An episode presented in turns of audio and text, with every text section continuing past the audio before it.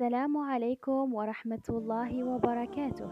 أعلم أخي المستمع أختي المستمعة أنه كل حياتك بيد الله وليس بيد البشر أبدا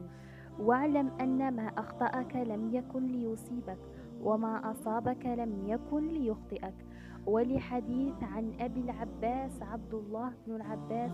رضي الله تعالى عنهما قال كنت خلف النبي صلى الله عليه وسلم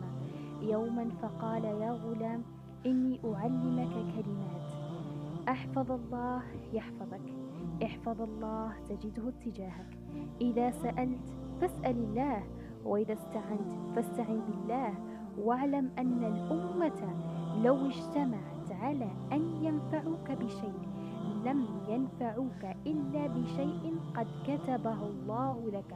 وإن اجتمعوا على أن يضروك بشيء لم يضروك إلا بشيء قد كتبه الله عليك رفعت الأقلام وجفت الصحف وفي رواية أخرى احفظ الله تجده أمامك تعرف إلى الله في الرخاء يعرفك في الشدة واعلم أن ما أخطأك لم يكن ليصيبك وما أصابك لم يكن ليخطئك